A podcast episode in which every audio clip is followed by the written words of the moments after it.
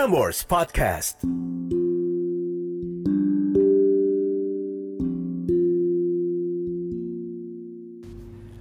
Catatan akhir malam oleh Narendra Pawaka. Senin, 15 Juni 2020. Stop listening to the voices around you. Focus on the voices within you. Your heart's language is the most comprehensive. Sebuah catatan yang gue ambil dari buku Mind Platter karya Najwa Zebian. Nanti bakal kita bahas lebih dalam lagi tentang notes yang barusan. I know you just cannot get enough of that note, don't you? Dan malam ini, kamu aku panggil dengan nama Naomi. Sebelum kita masuk ke catatan Naomi, ini udah malam. Jadi buat kamu yang pengen cerita, silahkan tulis dan kirim ke narendrapawaka at gmail.com. Because why not? Di catatan akhir malam, nggak ada yang bakal ngejudge juga. And this is the place di mana lo bisa didengarkan. I think. So thank you to all of you yang udah pernah menulis dan akan menulis di catatan akhir malam. And need I to remind you kalau minggu depan akan ada topik khusus kalau mau nulis tentang Miss the Memories. Singkat cerita, gue sama salah satu wadia bala di Prambors namanya Mario punya duo musik yaitu Dead Bachelors. Iya, kita bakal rilis single baru judulnya Miss the Memories di tanggal 26 Juni. Jadi buat kamu yang pengen cerita tentang apa yang lo kangenin sewaktu lo kecil atau memori pas lo kecil yang masih ingat sampai saat ini, good or bad memories I take them. Boleh untuk dijadikan inspirasi menulis atau sharing di catatan air malam and we'll see where the adventure takes us on the next episode. For now, let's focus on catatannya Naomi. Ini dia catatan dari Naomi. Halo Eda, bagaimana hari ini? Thank you for asking Naomi. Hari ini, alhamdulillah masih sibuk. Semoga selalu dikasih keberkahan dan kebahagiaan buat Eda dan keluarga di rumah. Juga untuk tim catatan akhir malam. Ya, syarat buat Mamet dan juga Dini kalau mendengarkan yang satu ini. Aku Naomi. Aku senang Eda bikin podcast kayak gini. Aku mulai aja ceritanya ya. Mudah-mudahan bisa dibaca dan kasih saran buat aku. Ceritanya, aku punya cowok dan udah jalan hampir 4 tahun yang aku baru sadar udah cukup lama ternyata. Selama ini banyak banget hal yang banyak aku pelajarin dari hubungan kita. We're like best friends, jadi nggak berasa aja kita pacaran dan nggak kayak pasangan lain. Kita berencana untuk ke jenjang serius. Namun dalam rencana itu, beberapa kali aku ngerasa disudutkan oleh beberapa hal. Misalkan waktu ketemu orang tua aku di mana mereka tinggal beda kota yang gak bisa tiap hari ketemu. Apalagi kebetulan lagi PSBB.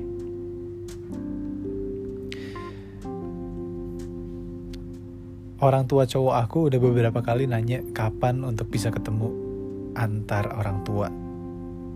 Namun beberapa kali terucap, kalau misalkan belum ada jawaban, mungkin kita nggak berjodoh bisa cari lagi yang mau dinikahin.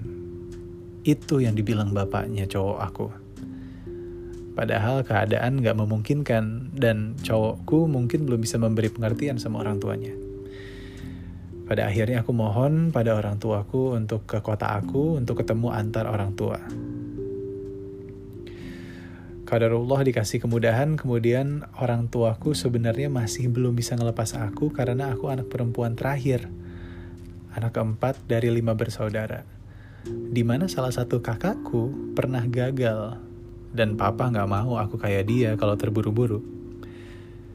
Di satu sisi, aku kayak dituntut ngikutin maunya cowokku buat menanyakan kembali jawaban atas pertemuan antar orang tua sebelum acara lamaran yang sesungguhnya. Aku pun menanyakan pada orang tua, dan ternyata mereka sudah menentukan semua tanggal lamaran dan mungkin bulan akad. Aku udah kasih tahu ke cowok aku tentang semua rencana. Aku bahkan udah mencari apa aja persiapan sebelum lamaran dan akad. Tapi dia kayak masih ragu dan sering kali kita jadi berantem. Malah sampai saat aku menulis ini pun aku masih saling diam dengan dia. Aku ngerasa aku udah berusaha yang terbaik buat hubungan kita. Tapi kok aku ngerasa dia biasa-biasa aja, malah mungkin santai. Dia belum menghubungi duluan, Bahkan mungkin tiap kali bertengkar, selalu aku duluan yang memulai percakapan, memulai chat, telepon, dan menanyakan kabar dia. Apa benar setiap pasangan yang ingin menikah memiliki permasalahan seperti ini? Yang bikin kita ragu untuk melangkah. Aku gak tahu harus gimana. Egoku bilang gak usah hubungin dia duluan, sampai dia bakal hubungin aku. Apa dengan diam akan merubah keadaan? Segitu aja Eda, stay healthy. Menjawab yang terakhir, apakah dengan diam akan merubah keadaan? Tentu tidak. Namun, kalau kamu sedang berdiam bersama pasangan kamu, tapi kamu tetap melakukan sesuatu untuk hubungan itu, ya itu akan merubah keadaan. Dan itu tipe yang gue banget. Kadang diam aja sama pasangan, tapi tetap melakukan sesuatu. Menjawab lagi pertanyaan yang sebelumnya, apa benar setiap pasangan yang ingin menikah memiliki permasalahan seperti ini yang bikin kita ragu untuk melangkah? Gue langsung inget sama yang tersayang, gue memanggil pasangan gue seperti itu. Dulu sebelum menikah, yang tersayang sempat share tentang sahabatnya bilang, nanti kalau misalnya lo udah prep mau menikah, banyak-banyakin deh ke salon supaya nggak stres. Saat itu yang belum mulai persiapan gue nggak ngerti apa maksudnya sampai akhirnya persiapan. Mungkin sama posisinya sama kayak Naomi saat ini. Ya kadang yang namanya relationship anxiety that is real. And here's another note for all of you who suffers from relationship or marriage anxiety. So very often people around us might find it hard to understand why getting married to the love of your life is making you anxious. Now, the questions thrown at you can force an already unsettled mind to become more doubtful. But I want you to breathe now and don't worry, because your internal battles do not need to be understood by anyone around you. Yang paling penting adalah untuk tetap berkomunikasi dengan pasangan kamu, tahu kamu berada di kapal yang sama.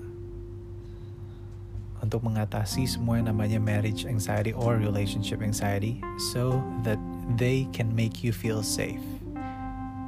But in order to make them making you feel safe adalah kamu harus nyaman dulu dengan hati kamu ya kan? So, repeat after me on this note. Your anxiety sees marriage as a major life threatening change to your comfort zone and signals. It signals as a red flag to protect you. You'll become super doubtful about your life choices, but your anxiety is constantly lying to you, and everything will be okay in the end if you do something. Now, in addition to another note that I know will make you feel more comfort, diambil dari quote yang gue mulai tadi di catatan ini, it's about listen. Stop listening to the voices around you, focus on the voices within you. Your heart's language is the most comprehensive. Your mind's logic is the most worthy of your time. Fix yourself before you worry about fixing others. At the end of the day, no one will walk your journey for you.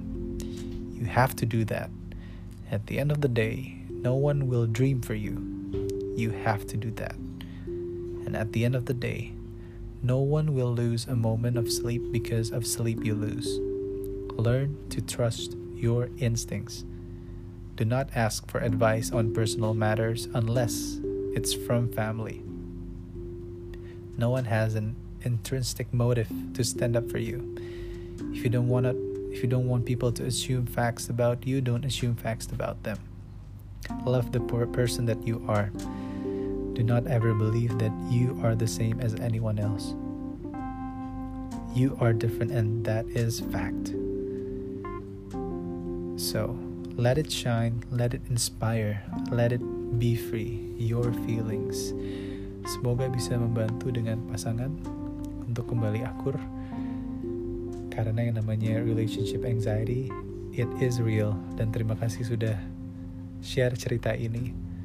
Naomi, gue yakin banyak orang yang akan terbantu dan termotivasi karena cerita ini. So I wish you and your partner best of luck for the preparation of marriage dan semoga gue bisa mendengar kabar baik di episode selanjutnya yang tentunya datang dari cerita Naomi setelah menikah. Amin. Now to end this note, like I said on the third last episode, kalau di setiap akhir catatan akhir malam ada yang namanya a fortune saying about your birthday. Now let's see, this is Friday, so that makes it tanggal 19 Juni. Let's see the people of June 19. This is an ASMR from the book. Now, June 19th. Sensitive, retiring, sympathetic, and loving. You yield to another's opinion rather than take a definite stand for yourself.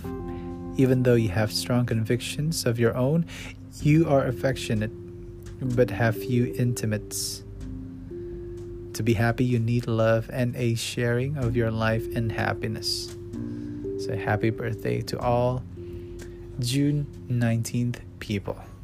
My name is Narendra Pawaka, and this is Catatan Akhir Malam May you have a good night.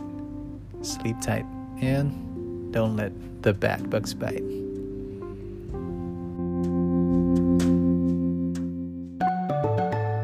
Frameworks Podcast.